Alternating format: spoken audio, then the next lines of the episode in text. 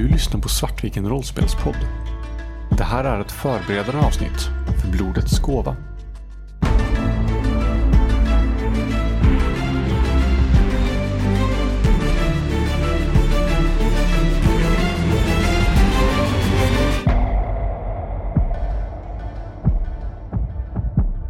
Hej och välkomna till Svartvikens rollspelspodd. Idag ska vi spela ett äventyr som heter Blodets gåva. Som är ett scenario i eh, ett litet rollspel som heter Skrumt som jag har skrivit. Det här avsnittet till en början så kommer vi skapa rollpersoner. Och det är ju så att vi har ju redan gjort det. Men den lilla detaljen att jag efter vi hade gjort det skrev om hela regelsystemet från grunden leder ju till att vi ja, får göra allting igen. Så eh, vi kommer helt enkelt det här avsnittet kommer vara i två delar. Först kommer vi ha en del med, eh, som består av det avsnittet vi spelade in en gång för länge sedan. Där vi diskuterar vilka vi är och kommer fram till det och hela den processen. Sen kommer vi klippa till eh, det vi spelar in idag. Där vi sätter ut stats och sånt med det nya regelsystemet. Så det kommer bli en liten tvådelad dubbelkombo-grej. Typ. Ni fattar när ni hör sen. Idag har vi i alla fall med oss en gäst. Eh, det är Iskra. Och eh, utöver Iskra så har vi med oss resten av det vanliga Svartviken-gänget. Väldigt snabbt och skrumt. Skrumt är ett rollspel som utspelar sig i dagens Sverige. Fast ett Sverige som är lite mörkare, lite hemskare, lite coolare än det Sverige vi faktiskt lever i idag. Det är ett Sverige där väsen och varelser från nordisk folktro fortfarande existerar. Ja, det är väl det. Och när vi spelade in det här förra gången, eller första avsnittet, första försöket, så spelade vi in på våra egna kammare med våra egna mikrofoner och eh, ljudutrustningar. Vilket innebär att ljudkvaliteten i nästkommande del kommer vara lite sisådär. Men vi kommer snart tillbaka till den här proffsiga, lite mer krispiga ljudkvaliteten som ni hör nu. Så ja, vi hörs snart igen. Vi kan väl ta en runda där vi snabbt bara pratar lite och presenterar vem ni vill spela. Vi kan väl börja med, eh, om vi börjar med Christer, vem spelar du? Min karaktär är en 19-åring eh, som eh, typ sen eh, ja, men sjuårsåldern, sju, åttaårsåldern där började bli väldigt fascinerad av eh, ja, men svensk folktro. Liksom. Tomtar, troll och eh, andra väsen som sägs bo ute i skogarna. Uppväxt i stan med sin ensamstående förälder för mig jag sa också. Så, och dessutom väldigt eh, sjuklig som, som barn. Eh, så stötte han aldrig på så mycket. Så här, fick aldrig någon möjlighet att vara va, va ute i skogen och se, ja, men så här, uppleva det här som, som eh, han läste om. Men som eh, nu på senare tonåren så har de här barnsjukdomarna liksom börjat lätta och eh, förutsättningarna börjar förändras liksom. Men fortfarande väldigt, eh, har levt ett väldigt instängt liv liksom. Och det var väl, var det Annas karaktär var det va? Som eh, de har känt varandra via olika internetforum. Visst var det så vi sa? Ja, jag, jag har ju tänkt att spela en tonåring också som vuxit ut, upp ute på landet utanför där Christer bor eh, med min faster. Vart mina föräldrar tagit vägen är en bakgrundshistoria. Men eh, där min faster var väldigt intresserad av just det min fast var väldigt intresserad av just magiska väsen och naturtro. Så jag har vuxit upp med det hela livet. Jag och Christer hittade varandra på en sajt när vi var yngre. Men nu tycker jag inte att det är lika coolt längre, för det är bara något som min faster håller på med. Christers karaktär har ju varit barndomskamrater via nätet. Ja, precis. Och våra föräldrar, eller så här, våra, vad heter det, inte föräldrar utan vårdnadshavare har ju haft kontakt genom det liksom, men inte jag var väldigt goda vänner. Sen kanske jag har hamnat i de lite mer coola kidsen i gymnasiet eh, när jag började plugga. Vi kanske till och med pluggade på samma skola, kontakt länge. Mm. Utan att det var mer när vi var kanske, jag vet inte, åtta. Ja men så här, tidiga tonåring tänker jag, så här, från, från kanske 10 till 13 år, 10 eh, till 15 års ålder kanske. Så, och efter det, när vi, ja, men i och med gymnasiet och så här så började vi tappa kontakten. Liksom. Det är så jag, så, så jag tänkte en person som, jag kommer spela en person som har haft en ganska tuff uppväxt. Mm. Moa, du hade en idé också va? Eh, och min idé hängde ju på att jag var släkt med någon. Så att jag frågade ju Christer då. Eh, men nu alltså egentligen, jag skulle kunna vara släkt med Anna också, så som ni har strukturerat upp era bakgrundshistorier. För min, mitt koncept är att jag spelar en eh, kvinna som heter Agneta. Jag är eh, 44 år och jag är mamma till någon av er. Det var ju ursprungligen tänkt Christer då, men det funkar även för Anna om det skulle vara så att eh, vi vill strukturera om det. Jag har precis kommit ut från eh, fängelset. där jag har suttit, eh, suttit av eh, ett straff för att jag eh, hade ihjäl Christers pappa. Och jag har hela tiden hävdat att jag är eh, oskyldig då. Det, för att det var liksom, eh, en ganska överväldigande mot mig. Men det fanns liksom inte någon annan som hade kunnat göra det här då. Men jag har hela tiden hävdat min, eh, min oskuld då helt enkelt. Satt du inne för mord eller dråp då? Så långt är det inte bestämt. Utan eh, man får ju längst, jag tänker att jag har ju suttit inne kanske sedan du var barn i sådana fall. Så tio år och tio år får du inte så är det inte är mord. Mm, men jag tänker det här med vårdnad och sånt där. Hur tänker du dig då? Att det skulle Ja, ändras? Även om du skulle vara, om du skulle vara min förälder och du har mördat min andra förälder eh, och det bedöms vara i brottmord så är det kanske inte så rimligt att du skulle få behålla vårdnaden. Eller tänker jag fel då? Nej precis, men jag tänker att, alltså jag, tänker att jag precis har kommit ut ur fängelset. Alltså nu, alltså när du redan är vuxen så det är liksom eh, irrelevant att jag skulle ha någon vårdnad över dig. Ja, och Christers karaktär kan ju ha varit till exempel hos en av Agnetas eh, syskon eller så som eh, har växt upp med. Liksom. Likt den, det konceptet som jag har tänkt. Eh, När du läste upp ditt koncept så tänkte jag att shit, det där är typ det. så att ni kan ju bestämma lite vad ni vill liksom. Men jag, mi, eh, mitt, det, jag behöver vara mamma till någon liksom. Eh, Men det spelar inte så stor roll vem så att ni kan ju bestämma lite det vad ni tycker passar bäst. Vi kanske ska vänta med att bestämma tills vi vet vad Iskra vill spela för sorts karaktär. Ja, har Iskra några, några tankar kring det? Ja, jag hade väl egentligen bara tänkt eh, höra vad ni hade tänkt eh, spela för någonting och sen anpassa någon karaktär efter det. Men då skulle du rent teoretiskt sett kunna vara eh, Agnetas syskon som har tagit hand om, eh, om Christers karaktär. Som exempel. Ja, Hur Så- tycker ni andra det låter? Om Iskra går med på det och tycker det låter kul. Jag har haft en ganska så intim relation till att redan att börja med. Men också liksom väldigt mycket, jag kan tänka mig att eh, jag menar, tror du att det var jag som hade gjort det också? Eh, eller är det någon som tror på min oskuld? Eh, och när man kommer tillbaks då, det, liksom, det blir ju en viss eh, friktion om eh, ja, men ens, eh, sin man och, och man blir eh, förmyndare för eh, hennes barn och sen så kommer hon ut i fängelset igen. Eh, det finns nog en hel del att spela på där tror jag som kan bli kul. mm. Då känns det verkligen som att eh, eh, Iskas karaktär och min faster till exempel kan ha klickat ganska mycket om att ha vårdnad över någon annans barn. Mm. Min tanke är att min mamma, min pappa har gått bort eller försvunnit och min mamma sitter inne på psyket eh, för att hon har sett va- varelser i skogen som har gjort henne galen. Mm. Det är väl inte helt säkert eh, det är så eller inte. Jag har tänkt att min faster kan vara en ganska aktiv SLP i det här. Det är väl inte konstigt om ni två är vänner också genom oss. Nej, men det känns absolut rimligt så. Som att det finns ett, ett rimligt eh, band också mellan dig och Christer då. Att, att ni ändå någonstans har lite liknande erfarenheter. Eh, och att man kan hitta varandra genom det då. Mm. Men Vi ska eh, upp allt för mycket nu heller utan vi kan ju göra karaktärerna och sen så kan vi fine-tuna det allt eftersom processen går liksom också. Ja, men precis men kan vi få en recap på hela liksom, så här, relationsnätverket nu? Ja, så, så som jag har förstått det så är Moa spelar Christers mamma. Moa hade ihjäl Christers pappa och har suttit i fängelse eh, i ett antal år för det. Christer har då under den tiden tagits över av Iskra som är eh, Moas eh, syskon av något slag. Samtidigt har, är Anna barndomsvän med Christer genom internetforum och träffar och sådär. Eh, Anna bor hos sin faster som har varit eh, en kontakt eller vän till, eh, till Iskra. Stämmer allt det? Yes. För då, då är jag lite fundersam på om det, så här, jag tänker just på platserna som vi har vuxit upp, eller som ja, eh, min och Annas karaktär har vuxit upp på. För jag tänker ju att min karaktär, som jag har bestämt heter Jon, växte upp i, i stan. Men eh, det skulle vara schysst om det fann, eh, och jag tänker att Jon kanske i och med gymnasiet så här, ville försöka återta kontakten eller något sådär med, med Annas karaktär. Och därför har lyckats, så här, i och med lindringen av hans sjukdomssymptom och sånt där så har, så har han lyckats övertala Iskras karaktär att på något sätt så här, att de ska flytta till det här samhället som, Mm. samhälle som Annas karaktär bor i. Kanske som reaktion på att, eh, vad hette Moas karaktär nu igen?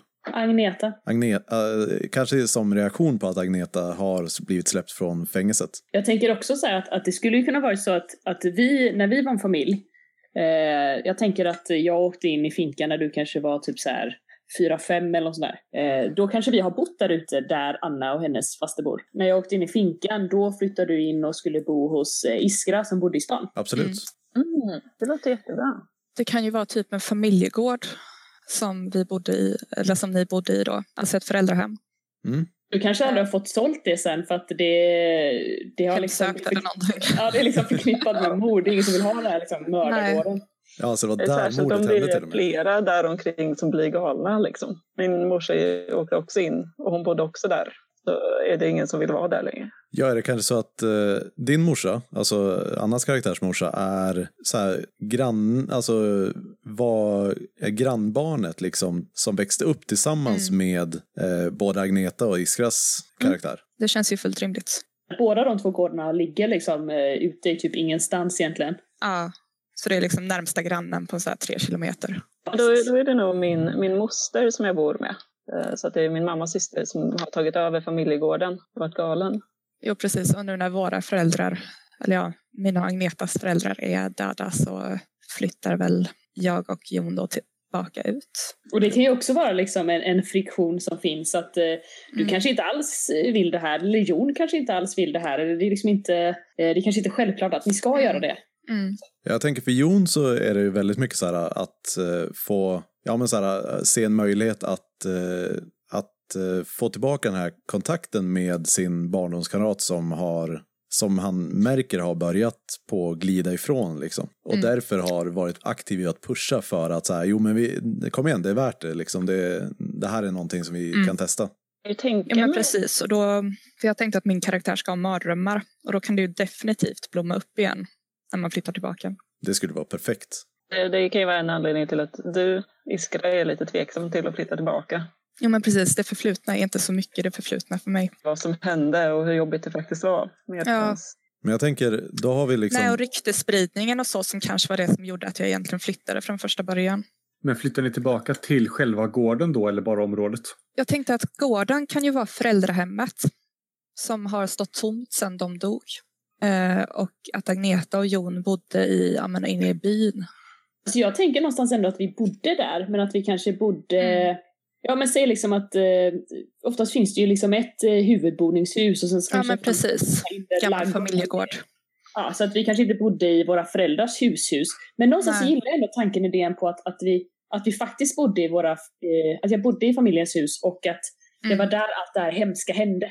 Att och röra i det betong. Och också har vi den här granngården då där, Mm. där också massa hemska saker har hänt. Så man har de Mm. här två tvillinggårdarna egentligen. Där, eh, s- som är typ cursed liksom. Och jag kan ju flydde, vara. jag flydde till stan så fort jag var myndig ungefär. Ja men precis. Det var liksom bara fuck no, I ain't staying here. Medan Agneta stannade kvar och tänkte liksom att men jag ska ta över gården och du vet. Ja men precis, och gifta sig med barndomskärleken och allt det där. precis. Agneta kanske flyttade ifrån en liten stund men kom tillbaka när föräldrarna eh, gick bort. Och, men liksom var den som kände att ta, ta, ta ansvaret, liksom, tog sin, sin man och sitt Mm. eh, spädbarn och flyttade tillbaka till, till gården. Vad då allt det dåliga började. Ja, precis. Sen, sen slutade det när Agneta försvann därifrån. Men nu kommer hon tillbaka igen. Och det är också, jag gillar att Det det, finns en eh, dualitet i det också. Att det, det har vi, de har två gårdar, men också två generationer. Det är mycket möjligt att eh, min, min mamma eh, var på något sätt påverkad av samma sak som Min karaktär. Eller? båda, båda ni två. Ja. Både Iskar och Agneta. Du klipper lite. Mm, prata? Jag, jag tror vi missar första ordet i varje mening du säger ungefär. Ja. Förklara varför jag inte får min röst hörd så mycket. Och här tar vi en liten paus för teknisk support. Vi återkommer alldeles strax. Ja, vart var vi? Eh, vi diskuterade gårdar och sånt där. Ska, ska vi börja ge saker namn så att vi kan prata om det lite lättare? Mm. Det vore väl bra. Har eh, Iskra och Anna några namn på sina karaktärer? Jag jobbar på det. Jag gillar fortfarande om det ska vara en tjej eller en kille. Mig själv som, eller den här karaktären som tjej, men jag gissar att jag bara spelar tjejer. Men jag heter Elsa. Elsa Ekdahl. Eh, tog Agneta sin makes efternamn? Jag vet inte. Eh, ja, jag vet faktiskt inte. För att jag tror nog inte det. Heter du Agneta? Nej, för då kan vi ju fila på efternamn. kan ju vara det som eh, eh, Jon... Eh, tänker du John eller Jon? Jon. Det är ju det som Jon heter efternamn också då. Jag tror att Ja. det kan vara ganska nice att ha liksom så här, säg att vi har två släkter nu, Ja, men precis. så har de samma namn liksom. Bå, båda släkterna har samma namn? Eller att alla karaktärer... Alltså att, att, att, Nej. Det är så att nej, typ att, att, jag, att du och jag inte heter Anna annorlunda än Iskra till exempel. Ja, att alla inom samma släkt heter samma sak. Mm. Ja. Okej. Jag har haft en idé om att jag är äldst. Att jag är ditt stora syskon. Absolut. Vad, s- hur gammal sa du att Agneta var igen? Jag är 44. 44? Ja. Då kanske jag är 40, 40, 41, 42 kanske. Jag tänker att Jon har, har ju gått, så här, gått ut gymnasiet och inte, inte riktigt gått all in på någonting sådär. Utan har kört på ganska mycket med sina så här, barndomsintressen. Eh, och bara så här, pass, gått igenom gymnasiet med okej betyg liksom. Jon är övertygad om att det finns en djupare sanning på, i världen liksom, som vi människor inte erkänner. Och att målet är liksom att hitta det på något sätt. Du måste hitta bevis för uh, övernaturlig existens. Ja, precis. Något sånt. Ja, det är liksom... Annars tror jag det hade varit ganska intressant om man vill ha mer friktion då, om- du inte tror på allt det här. jag funderade på om jag Bara, inte skulle det faktiskt. Jag fick om jag kommer liksom och bara, nej men det var inte jag som gjorde det här, det var en, det var en tomte, jag svär. Och liksom bara, fan min, min mamma är ju, alltså hon kanske också borde låst in med Annas mamma. Alltså typ att det, det hade kanske varit, eh, nu skulle ju du spela din karaktär exakt så som du känner att du spelar din karaktär. Eh, Men det hade varit coolt, eller jag tror det hade varit eh, en intressant fiktion om det var en av oss som trodde på sådana här saker, av oss som inte gjorde det liksom. Och att, så här, någon, att man tänker att det bara är bortförklaringar. För jag menar, en är, menar, Annas mamma, hon är ju redan, ja hon är ju liksom eh, psykiskt eh, sjuk. Ja, men där kommer jag jag ihåg att kanske vi, är det också liksom. där kommer jag att vi pratade Min om karaktär att, heter Lena, har jag kommit på nu. Jag insåg att jag är lite sugen på att spela så. Alltså jag försöker för allt i världen förneka det övernaturliga. Jag, jag kom på det att vi pratade om det förut att Jon nog har börjat på, är så här, tro sig behöva lägga det här bakom sig, liksom det här med det övernaturliga. Att det, det har varit en väldigt stor grej men att det är överspelat liksom på något sätt. Men samtidigt har du The truth is out there. Det är det, ja, det, är det som jag är fundersam på i så fall om jag ska ha det som drivkraft i så fall. Ganska ung så du skulle ju kunna ha någon liknande typ att man ska bryta sig loss från eh, sina föräldrar till exempel. Alltså att många känner liksom att det kan vara skönt att klippa banden helt. Alltså att nej men jag ska gå min egen väg och men att det liksom uppenbarligen kan vara svårt för alla har ju sitt bagage liksom. En sån grej liksom att eh, eh, ja nu kommer mamma igen och hon kommer med alla sina lögner och, och eh, men jag ska inte ras som pappa eller vad det nu kan vara liksom. Men då är det lite konstigt att, Jag eh, har tänkt att i- egentligen så är det nog min karaktär försöker förneka det övernaturliga. Det, liksom för Christer att jo, men jag gå tänker att emot hans. tänker att det passar väldigt bra ihop med om min karaktär skulle börja så här, ja men att min karaktär har, b- jag har liksom fått den här bilden av att det är delvis hans övertygelse om det övernaturliga som har fått din karaktär att börja på och avlägsna sig liksom. Även om det kanske inte är alls det så är det fortfarande det som är den enda anledningen som, som Jon tar, tar tillvara på liksom. Som att det skulle vara bara det. Så att om han lyckas lägga det bakom sig så kommer du vilja vara, vara hans kompis igen liksom. Är du med på vad jag menar? Min vän, är det en drivkraft? Vad Jag hörde bara nej. Men bli min vän var det jag försökte säga. Det låter ju nästan som att det är det. Eh, någonting Det handlar om vilket narrativ man väljer att tro på också. Att, till exempel så här, att du vill flytta tillbaka till den gamla stugan och så. Det kan ju vara liksom att, eh, att man återerövrar sina rötter. Mm. Att jag har växt upp med den här historien men, eh, men nej, alltså jag är vuxen nu och jag kan faktiskt, jag är, jag är tillräckligt gammal för att själv få en uppfattning om hur saker och ting har gått till. Och, och det här är min historia lika mycket som det är eran och jag tar tillbaks den nu liksom. Och det passar ju väldigt bra in med just det här att man eh, går över in i vuxenlivet. Jag tänker nog bara typ att jag har inte varit en del av bara. jag, jag, jag har tänkt att du sa, du sa någonting om tio år i början. Jag tänker bara att eh, jag minnen av mig. Typ precis, alltså några av dina första minnen är typ mig. Men att jag ändå försvann, eh, alltså så pass tidigt att jag verkligen är en främling. Så du, du har kanske suttit inne i typ 15 år i så fall. Eller där. Ja, det kanske var så här, alltså jag tänker typ någonstans att det kanske var ett riktigt, eh, riktigt gräsligt mord. I pressen, alltså det var verkligen, eh, jag kanske till och med fick livstid, men nu har jag blivit beviljad att, att faktiskt få komma ut då, för att jag har skött mig bra i fängelset. Men ska vi tänka att du har varit inne i 18 år då kanske? Hur gammal var du? Du var 19? Ja, 19. Ja, 19, okej. Ja, men det är ju- 15. Det är ju frågan hur, för jag tänker så här, jag, jag tänkte att du kanske har några minnen av mig, men det är ju lite upp till dig också hur mycket du vill. Så jag har inga problem egentligen med att det blir senare. Jag tänker bara att det är jag ute efter att jag ska känna som en främling liksom. Ja, men Jag, jag, har inte uppfostrat det, dig. Jag är bara någon som tränger mig på nu liksom. jag tänker även vid tio år så skulle det ju kunna vara den känslan. Liksom, så här, det är ändå så här, jag har haft halva Mm. mitt liv på mig att ja, liksom, filtrera bort dig från mitt liv. Och att jag ser dig väldigt mycket som i, i den må, alltså, oavsett så kommer jag ju veta att jag har haft en mamma som har begått ett mord. Men eh, om, vi säger, om vi skulle säga tio år så skulle det vara mer så här, ja visst du, du var med halva livet och sen så förrådde du mig och eh, så här, såg till att jag inte ha- hade någon biologisk förälder istället. Eller känns det helt fel för hur du tänker i karaktären? Jag tycker det blir jättebra. Det kanske är, det kanske är roligare liksom. Det jag är ute efter är liksom typ någon form av friktion liksom. Att, att, eh, att jag dundrar in igen med någonting som eh, någon slags världsbild och i Mm. tankar och idéer som eh, och du bara kan- tänker liksom att jag klarar mig fint utan dig. Det kan ju vara så enkelt att det bara är alltså en ny person som kommer och ska tvinga sig in i ditt liv. Det behöver ju inte vara så mycket agg ens om man inte vill det. Men jag tänker ju- just för att få friktion så är det, är det nog ganska rimligt att eh, jag hyser agg mot Agneta Ja. för att ha varit liksom den delen den delen av mitt liv som har gjort det värre för mig. Liksom. Även om det kanske inte...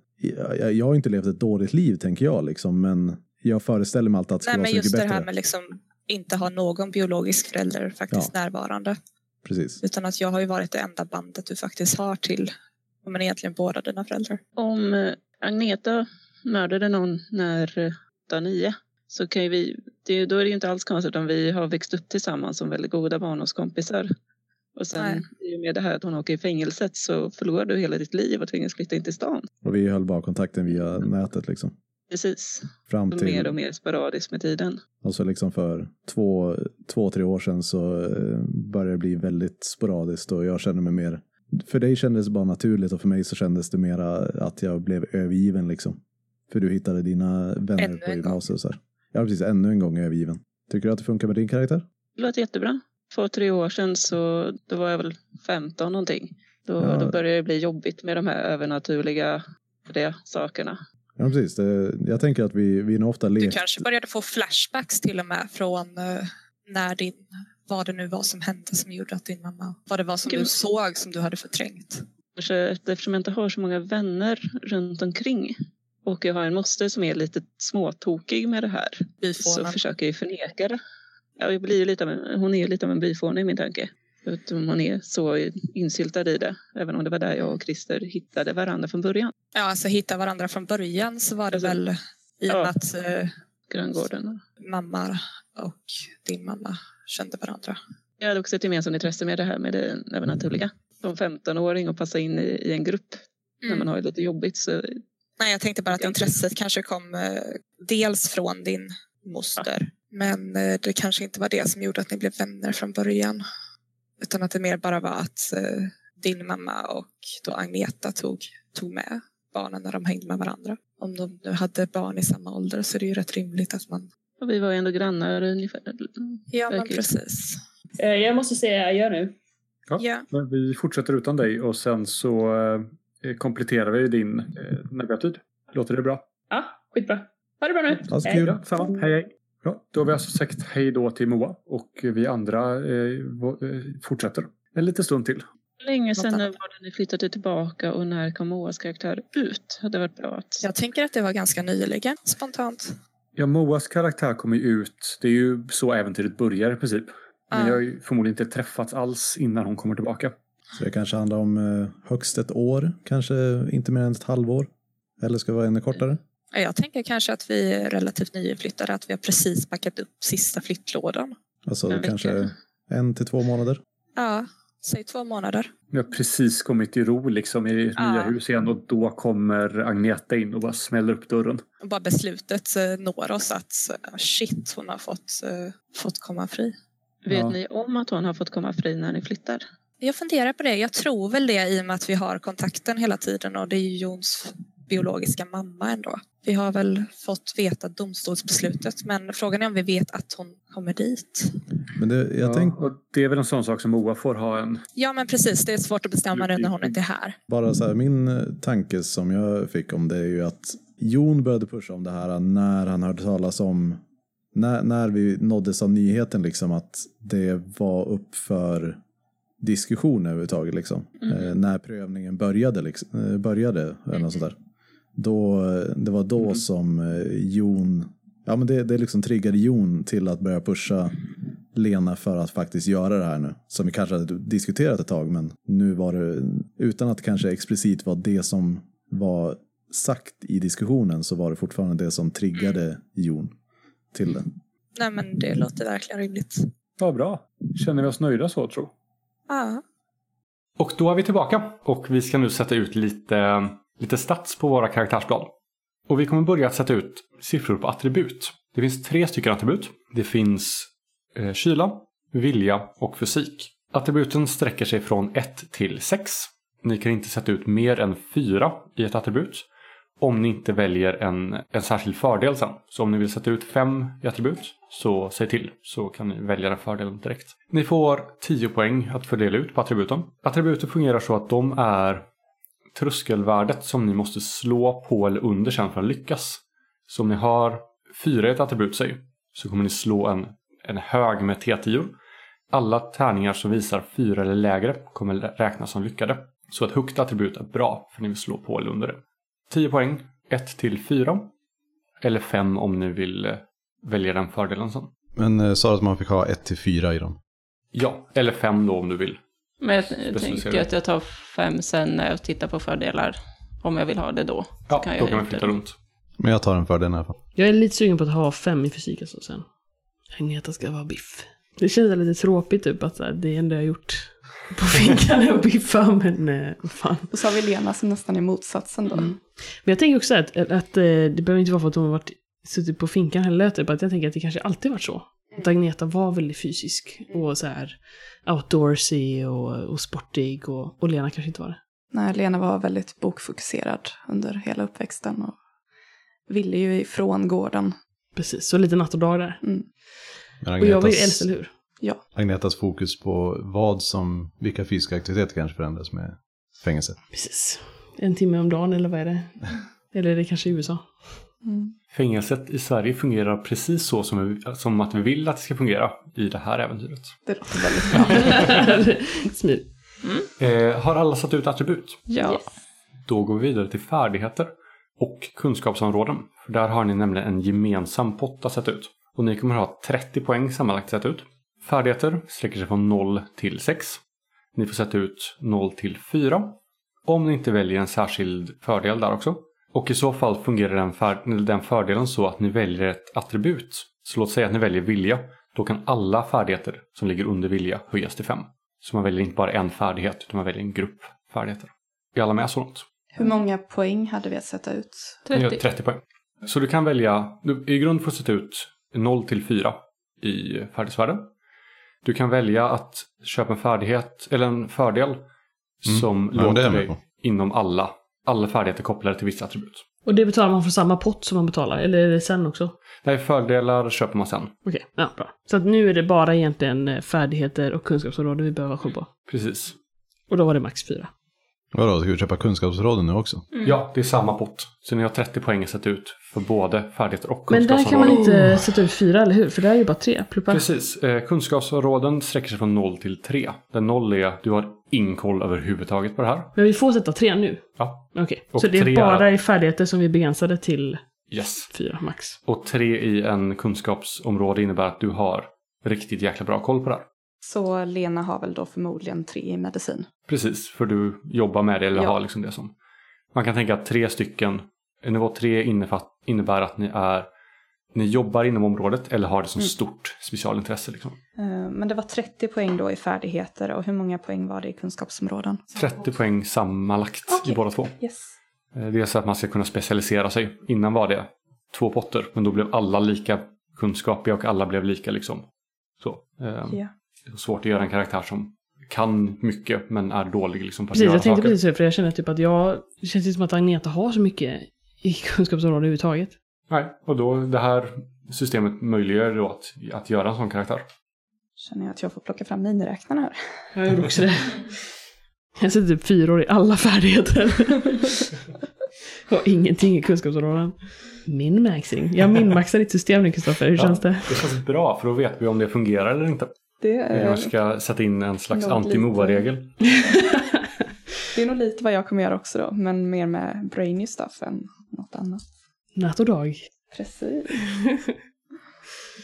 Man kan inte sätta noll i någonting eller? Eh, jo, det kan du göra. Och det innebär att du kommer slå... Du kommer fortfarande få slå, men du får slå två tärningar. Men båda måste lyckas för att de ska räknas som en lyckad. Eh, och som, eh, som riktlinje så kan man tänka att om man har tre i en färdighet och tre i ett attribut så betyder det att ni slår tre tärningar. Alla tärningar som visar tre eller lägre räknas som lyckade. I just det här fallet med 3 och 3 så är det 65% chans ungefär att du får åtminstone en lyckad. Så man kan tänka att 3-3 är liksom Lite bättre än medel. Ja, men precis. Om man har lägre än så på något sätt så är man, då är man dålig på det. Men så den första, säg fysik 2, då är det tvåan som är gränsen. Precis, då ska du slå ettor och tvåor på tärningarna. Och sen färdigheten visar då hur många tärningar du slår. Okej, yes. Jag har faktiskt en poäng i kunskapsområden nu. Jag har två kvar dessutom. Jag har en i kriminalteknik för jag tänker att jag kanske nördar ner mig lite på det. Jag bör i och för sig typ ha lite i ockultism också. Med tanke på mina intressen nu. Och kunskapsområden är ju passiva, så de slår man aldrig för. Har man ett kunskapsområde, en nivå där, så får man automatiskt informationen. Ju högre nivå du har, desto mer information får du. Det är helt enkelt taget från Cthulhu nästan rakt av. Fast det är lite modifierat. Jag gillar det systemet ändå. Mm. ja, Jag tyckte också det var bra, men jag ville... Jag gjorde... Jag har gjort en nivå till på det liksom. Får jag ha tre ockultism? Ja. Det känns ju ganska rimligt eftersom det verkligen är ett superintresse för... Ja, det är det jag tänkte, Jo. men eh, jag visste inte om tre ockultism, ockultism kanske var så här eh, aktiv utövare eller någonting sådär. Nej, utan det är bara att du har stort intresse och du kan mycket om det. Men det är liksom stort intresse som är till, tillgängligt för allmänheten. Stort Ja. intresse. Mm. Egentligen om man tänker så här, man ska diskutera min-maxing, så är det ju egentligen bättre att ha kunskapsområden än färdigheter. Det beror på hur mycket man använder kunskapsområden. Jo, men här är det ändå så här typ att det du har, det har du. Medan eh, färdigheter, det är alltid lite av en gamble om du lyckas med det ändå. Och eh, fyra tärningar är ju ändå inte jättemycket. Tärningspärlmässigt. Nu har jag ju satt ut allting i färdigheter ändå, för att det, det, det är nice för min karaktär. Men eh, Men det är väl, det handlar väl väldigt mycket om om man är en karaktär som ska göra saker eller bara kunna saker. jo, definitivt. Men jag tänker så här, rent vad du får ut av dina poäng. Fast Så är det ju mer större chans, alltså även om du sätter ut mycket i färdigheter så är det inte säkert att du får någonting för det. Ja, men autolyckas ju med kunskapsområden. det Ja, är det du det är tänker det va? jag menar, att, så här, att du autolyckas med, mycket- med mycket mer om du sätter, fokuserar på kunskapsområden. Men sen är det inte Men det säkert att på situation. i... Ja, alltså det är klart det beror på situation, men alltså så här, det är ändå, det här täcker ju in väldigt mycket. Alltså man tänker så här, rent råspelsmässigt. Alltså man kan ju tänka så här att om man har tre i någonting i kunskapsområde. Om man stöter på en situation med det kunskapsområdet är relevant. Då vet man att jag kommer få ut maxinformation. Om man har ett högt färdighetsvärde och eh, träffar på den situationen. Så är det fortfarande en gamble om man kommer lyckas bra eller inte. Liksom. Absolut. Jag tror det är det Moa. Precis. Och då för, för spelare som till exempel jag, som ofta slår väldigt dåligt, så kan det ju vara så här att det här, alla de här poängen som jag bara har pressat in i färdigt nu kan ju vara helt alltså, värdelösa. Det kan ju vara som att jag har noll i det. För att det spelar ingen roll. Jag lyckas inte med tärningarna ändå, för att jag har bara fyra tärningar. Jag förstår vad du menar, men jag håller inte med. Fråga. Yes. Eh, får jag lägga tre i naturvetenskap och psykologi också? Ja, du får lägga tre vad du vill. Nej, men jag tänkte de var ganska rimliga att ha Mm. högt upp. För att Lena kommer inte vara en sådär socialt inkompetent läkare som inte lyssnar på dig. Jag fokuserar nästan allt mitt på vilja och kunskapsområden. Och då framförallt ockultism och bibliotek och arkiv. Ja, min främsta är ju då fysik. Jag har fyra i fysik och sen har jag fyra i närstil, fyra rörlighet, fyra i styrka. Jag har faktiskt också fokuserat mer på vilja. Men där jag mer har fokus på vilja och viljestyrka och övertyga än efterforska. Jag tänker att hon är en ganska viljestark person. Sen är det också en del på fysik. Jag har faktiskt också fyra i viljestyrka. Och fyra i vilja. Det är kyla jag är dåligt på. Och kunskapsområden då. Och jag gissar att, eh, att Lena inte kommer vara fokuserad på kyla heller. Inte jätte, men ändå lite. Lena har ganska högt i just kyla, men inte så mycket i underkategorierna. För mig är det tvärtom. Jag har lite i kyla, men jag har ganska mycket perception. Men jag funderar på det, alltså så här, vad attributen gör egentligen. Är det när du inte hittar någonting specifikt att slå för? Nej, de är bara tröskelvärdet. De visar... Ja, just just vad du slår. Det- Jag visste det. Eh, fysik har en liten specialgrej där också. Att när du blir attackerad så är det fysik som visar hur eh, din tröskel för att ta en kritisk skada. Eh, jag kom precis på också att vi har en lista med för och nackdelar. Men jag har ingenting bra att skicka runt. Men jag skickade ju reglerna till er i chatten. Eh, Så om ni vill kolla där så är det nog det enklaste faktiskt. Några av er vet jag ju, eller minns jag ju vad ni hade för nackdel i alla fall. Iskra hade ju mardrömmar till exempel. Jag tror Moa hade fängelsekund. Just ja. Rimligt. Och man får välja en nackdel och två fördelar. Man kan välja att ha ytterligare en nackdel och då får man också en fördel till. För då ska jag ha naturbegåvning och då vill jag ha fem i fysik. Eh, och nej, men då väljer du eh, naturbegåvning för att höja att, eh, färdigheter. Du Du slår attribut här. mm, Välj ett attribut. Färdigheter kopplade till det attributet kan höjas till höjas. fem. Ah, okej. Du vill ha goda förutsättningar. Ja, helt rätt. Jag gissar att vek, eller klen är eh, den nya vek. Ja, precis. Du har lättare att ha kritiska skador. Eh, För varje vapen har ett kritvärde. Så om den tagna skadan plus kritvärdet kommer upp över ditt fysikvärde, då tar du en kritisk skada. Jag funderar på om jag ska ta en naturbegåvning också om jag har två fördelar. Så att jag höjer alla i fysik också. Ja, det kan du göra. Eh, Det kostar ju fortfarande att höja dem, men du får höja dem till fem liksom. Okej, då måste jag ta bort från någonting annat då. Ja, precis. För det innebär att du får ingen gratis, utan här måste du, du måste också flytta en av de här. Ah, okej, Du får bara okej. höja dem till över fyra. Men du får inte gratis en till. För det hade varit lite OP. Men jag kan fortfarande vara hårdhudad. Nu ska vi se vad den gör. Vapens kritbonus räknas som ett läge mot dig. Ja, precis. Som en, ett vapen har kritbonus 2, så mot dig räknas den som, som ett istället. Just ja. Och nackdel var att jag var fängelsekund. Men man ska ha två fördelar än nackdel. Ja, Jag tror det var tvärtom. det är det icke. De enda som jag egentligen känner passar Lena, det är både bokmal och informationsspecialist. Det vill säga information, information, information. Och om ni har förslag på egna för och nackdelar så kan ni säga till, för jag vill utöka båda listorna. Får se om vi kommer på något då. Så jag tar goda förutsättningar för vilja och informationsspecialist. Och som nackdel så här klen. Jag tar förstå djur och mänsklig längddetektor. Samt dålig lögnare som nackdel. Du ser när andra ljuger, men du kan inte ljuga själv. Nej, Hoppas ingen, ingen någonsin litar på mig i strid i alla fall. Jag har noll i skjutvapen, ett i närstrid. Ja, och så är jag vek. Eller klen.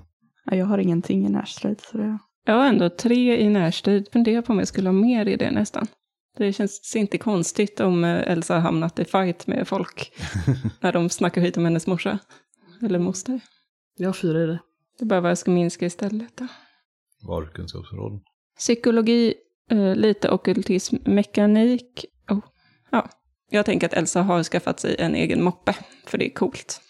Och det behöver man när man bor på landet, så hon vet hur man skriver i en moppe. Och att hon har läst psykologi i gymnasiet.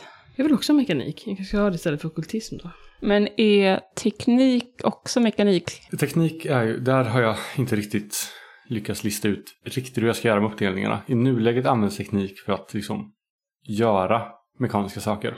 Men mekanik är mer att veta hur det fungerar. Men teknik är också liksom programmera och syssla med digitalt. Jag ska hitta hur jag gör med den någon gång.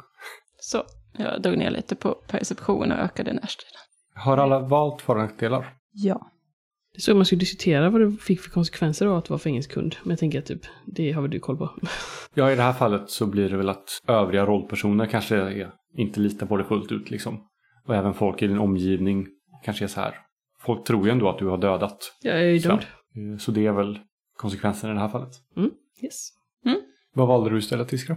Eh, avtrubbad mot våld. Mm. Just för att jag tänker att eh, som läkare så gör man tjänst på akuten också.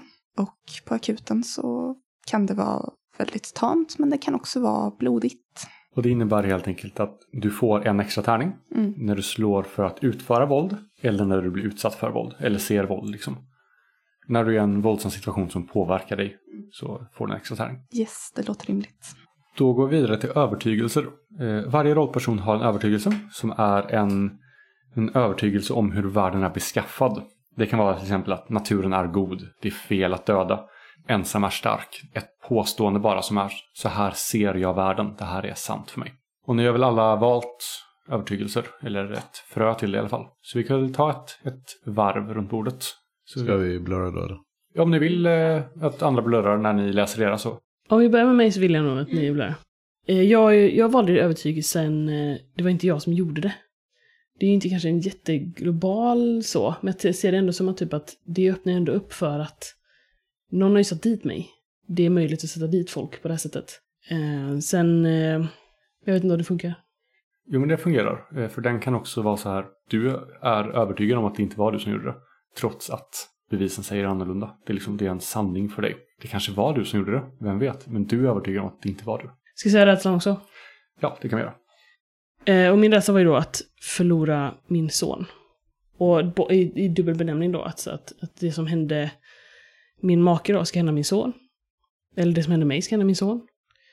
Eh, att, liksom, att familjelivet och den verkligen kan ryckas ifrån en. Väldigt abrupt. Eh, utan man kan göra så mycket åt det. Och, men också att förlora min son i det avseendet att han ser mig som sin pappas mördare. Och nu gjorde vi så att vi gick igenom både övertygelse och rädsla i ett. Så väldigt snabbt om rädslor bara. Rädsla är någonting som rollpersonen fruktar. Det handlar inte om fobier för typ djupt vatten eller ormar eller så, utan det är liksom någonting, någonting djupare än så. Det kan vara att man är rädd för att bli övergiven eller att inte räcka till eller att visa sig inkompetent. Allt det här där man, när en rädsla besannas så känner man den här, liksom, hjärtat börjar dunka i bröstet och man börjar liksom svettas och känna att jag måste, jag måste ut från den här situationen. Det här är liksom, jag klarar inte det här. Alla som vet hur svårt det är att tala inför folk till exempel eh, känner nog igen. Så det är så rädslor fungerar. Så vi kan köra Christers, eh, din övertygelse och din rädsla. Min rädsla är att människor går ihop och pratar ihop sig mot mig bakom ryggen på mig. Typ alltså så här, att känna sig utsatt eller utpekad liksom. Ja, lite- och, och inte bara för någonting som Jon gör utan för att andra har bestämt sig för att oavsett vad Jon gör så kommer, så kommer, så kommer de gå ihop och säga att Jon har fel. Liksom. Ja, Eller på något sätt ha gjort fel. Eller... Undergräva din verklighet helt enkelt. Ja, och att det är en, liksom en sammansvärjning. Och då inte sammansvärjning som i en så här internationell persistent konspiration utan mer så här att det, det är någonting som alla möjliga människor gör till vardags. två stycken står och pratar och skrattar och du känner att fan, skrattar de om mig nu? det Alltså, det kan vara en sån sak, men jag, jag tänker mer, alltså i form av rädsla så tänker jag mer i, i form av att om Jon är övertygad om någonting och sen och berättar det för någon och den personen säger nej det, så, så kan det inte vara och sen så går han till någon annan och säger samma sak och så säger den personen också så är hans spontana re, reaktion kommer vara att så här, de antagligen gått ihop och för okej. att gaslighta mig liksom. Och din övertygelse? Ja, min övertygelse är att eh, människor i min omgivelse eh, döljer någonting för mig. Eller döljer saker för mig. För att de inte litar på att jag kan ta det eller att de inte, att de av någon anledning själva tycker att de är mer värda än mig eller så. Yes. Anna? Ja, som rädsla så har jag satt att eh, visa sig vara instabil eller att eh, verka galen inför folk. På så sätt att eh, jag vill ju inte att andra ska se mig som de ser min mamma nu som sitter på psyket till exempel. Eh, så det har jag satt som rädsla. Som övertygelse har jag satt att man måste vara självständig eller man måste kunna klara sig själv. Lite så här ensam är stark. Lite ensam är stark egentligen. Och att Elsa klarar sig själv är väl egentligen det huvudsakliga. Ja, så, Nej. så mer så här, jag klarar mig själv än ensam är stark. Ja. Det är liksom inte ett, du talar inte om andras individuella möjlighet att stå själva utan din egen liksom. Ja, precis. Att jag klarar mig själv. Jag kan klara mig utan andra människor. Iskra? Min övertygelse är att allt går att förklara med vetenskap. Men min rädsla däremot, den är lite hemlig. Och det är ju då att Lena har blivit sjuk. Och hon blir långsamt värre. Och tynar bort. Hon är ju livrädd då för att dels att det ska bli värre och att hon ska dö av det. Och inte kunna göra någonting åt det. Eh, hon känner sig väldigt maktlös över det. Men hon vill inte heller att någon ska få veta det. Utan hon döljer ju det här då från familj och bekantskapskrets. Så den enda som egentligen vet om det, det är ju ja, men läkarkollegan som har hjälpt henne med prover och grejer. Jag kom på en sak som jag vet inte om vi har gått igenom på vilket sätt som Karin är psykiskt sjuk. Det tror jag vi sa i förra inspelningen. Eh, att hon såg saker. Mm. Det är det du har i åtanke också. Mm. Ja, då kan du berätta om det. Eh, det- det, det enda jag har tänkt är väl att hon är schizofren och liksom ser, har sett konstiga saker som andra inte ser eller har hört röster som talar emot henne på något sätt. Jag vet inte hur mycket mer vi sa om det. Jag tror det var det. Rent regeltekniskt så har både övertygelser och rädslor en effekt. Övertygelser kan du en gång per spelmöte slå om alla misslyckade tärningar i ett slag om du kan motivera hur din övertygelse hjälper dig att så här, men jag måste liksom, jag måste klara det här. Rädslor kan användas för att sänka ditt vansinne. Om du öppnar upp dig och har en, ett ärligt samtal med någon annan om din rädsla så kan du få sänka vansinne. Och det kan göras flera gånger men inte med samma person. Och inte heller då upprepa samma samtal om och om igen. Eh, Men om man säger då pratar med en grupp av individer, räknas det då som ett samtal eller ett samtal för varje individ? Eh, Det räcker som ett samtal. För det är, det är inte den person som du pratar med som spelar roll utan det är eh, din upplevelse om att få släppa den här spärren som är det viktiga. Och det är väl det va? Eh, Det som är kvar nu är egentligen att välja föremål och det fungerar så att ni börjar med de föremålen som är logiska att ni börjar med. Om de är användbara i en situation så får ni en bonus på det. Det är typ det. Är det utrustning då eller? Ja, precis. Om någon vill ha ett vapen så kan ni få ha det inom rimliga gränser liksom. Jag tänker att jag har en fällkniv i alla fall. Sen är det så att jag har ju skjutvapen och så. Och jag tänker typ att hon har säkert eh, typ jagat tidigare i livet. Frågan är hur det ser ut med vapenlicenser för folk som har tidigare dömda. Men vi har, i Sverige får du väl ha det ändå? Det är väl bara i Ehm, USA du blir så här stripped of. Jag vet faktiskt inte hur det är, men det jag tänker är också att eh, Elsa och Elsas familj och kanske i huset där Jon och Lena kommer bo, så Mm. är det ju inte konstigt om det kanske finns ett vapenskåp Nej, för, för jakt som använts liksom. tidigare. Liksom att Mm. Agnetas jaktgevär finns där sedan tidigare, kanske. Eller att det inte ens är, är ditt jaktgevär utan det finns ett jaktgevär på någon av gårdarna. Alltså, Så jag behöver kanske inte ha en, en jaktlicens så.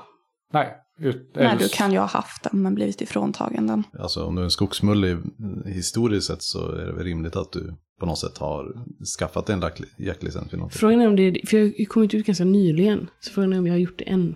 Jag tänker så att hon skulle säkert, alltså hade, jag varit ute typ i några månader så hade jag säkert kanske gjort det. Men du kanske skaffade din jaktlicens för innan du hamnade i finkan? Ja, jag tänker definitivt att jag hade jaktlicens innan. Men att man kanske, den kanske blir revoked om jag hamnar i finkan. Skitsamma. Framförallt så måste du förnya den. Man måste göra skytteprov och sånt där varje år. Så jag har ingen jaktlicens helt enkelt. Men jag vill ha en fällkniv. Ja, det får du. Eh, Du kan till och med få stats på dem. Yeah. Jag trodde du menade mer att du hade jaktlicens i att du hade gjort, att du hade lärt dig grejerna. Inte Ja, så här men det, det du- har jag. Jag har skjutvapen. Ja, så att så här, jag har jagat liksom tidigare i mitt liv. Det var mer om jag hade det nu, så, här, så att om jag typ går runt med ett gevär och det kommer en farbror blå, så här, om jag hamnar i trubbel. En fällkniv räknas som en liten kniv eh, i det här fallet. Så den har skada 1. Och, Jaha, då ska jag skriva det här då på vapen antar jag. ja, precis. Och då har du skada. Sen tror jag inte du har... Nej, ett rätt. sa du. Ja. Och du kan skriva till på taggar att den är snabb. Så du kan dra den och använda den samma handling liksom utan att behöva få den är versatile. Ja, jag kan men- också öppna vinflaskor med den. Perfekt. Och den har kritvärde som är plus ett. Så när du skadar så kommer du ta din skada plus det kritvärde. Om det kommer upp i motståndarens fysik eller högre motståndarens fysik så delar du ut en krit. Och man kan ju köpa att höja skadan med fler lyckade också. Är det det? Ja. Jag tror inte att jag sätter ut något specifikt på Elsa, utan det kanske är så att det man har, alltså normala prylar kan man ha ändå. Jag brukar tänka att det är bra att skriva ner eh, utrustning som är så här lite speciella för dig. För sen när man hamnar i en situation där det är så här, ah, undrar om jag har någonting som kan hjälpa till den här situationen. Så är det lättare att kolla på ka- karaktärsbladet än att sitta och tänka fritt. Men där får alla göra som de vill. Jag vill ha något för min mamma, Belloc eller något sånt. Jag tänker att Lena har någon slags första hjälpen-kit. Mm, det är bra. Eh, och medicin och så slår man inte för utan där räcker det med din medicin. Mm. Du har kunskapen liksom. Men kit gör det ju lättare liksom. Ja, och jag har en moppe. Du kanske har ett litet, eh, ett litet miniverktygskit ifall du behöver skriva Ja. loss någonting. Det har jag säkert också. Ja, Jon har nog ingenting speciellt så. Det är sin mobiltelefon och så. Men det är det enda. Jag skulle vilja spesa en grej som potentiellt kan komma i spel, som vi bara har sagt innan. Det skulle vilja ha, kommer du ihåg på typ 90-talet man hade sin plånbok i en sån här plånbokskedja? Just ja. Det har jag. Så Okej. du vet. Vänta att jag skriver det på utrustning. Det kan du göra. Har du också en sån eh, dum knapptelefon som du har i liksom ett väska på bältet? Bälteshölster. hölster. Ja, med så här plastskynke framför som man trycker igenom. Jag tror att de som så här, min, eh, alltså den här personalen på fängelset som har slussat ut mig, har nog sett till så att jag har fått en smartphone. Så jag har en smartphone, men jag har väldiga problem att använda den. Det är en Så sån här gammal per- eh, så här pensionärs-smartphone med så här stora Doro-knappar liksom. Jag tänker mig så här, jag har, men jag har nog bara fått så här, typ nya, alltså en ny iPhone eller liknande. Men jag har jättesvårt att använda den. För jag att man kan gå två vägar, liksom. antingen har jag en sån här gammal alltså brick. Men jag tänker det är roligare om jag har en smartphone som jag inte kan använda. Jag känner ju spontant att en 3310 hade varit jätteroligt. Alltså det hade ju varit kul. Men jag Det kanske så var en sån burn phone. men jag tycker det är ganska kul också typ att, att inte kunna svara Ja. när folk ringer mig. Ja, och du har precis Ja, upptäckt verkligen. emojis. Ja, Och du använder dem överallt. och att jag fick dialar folk hela tiden och så här. Och du använder fel emojis. Precis.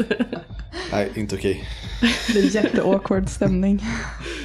Så en smartphone. Men då avrundar vi för nu. Så ses vi i eh, det första riktiga avsnittet sen när vi börjar spela.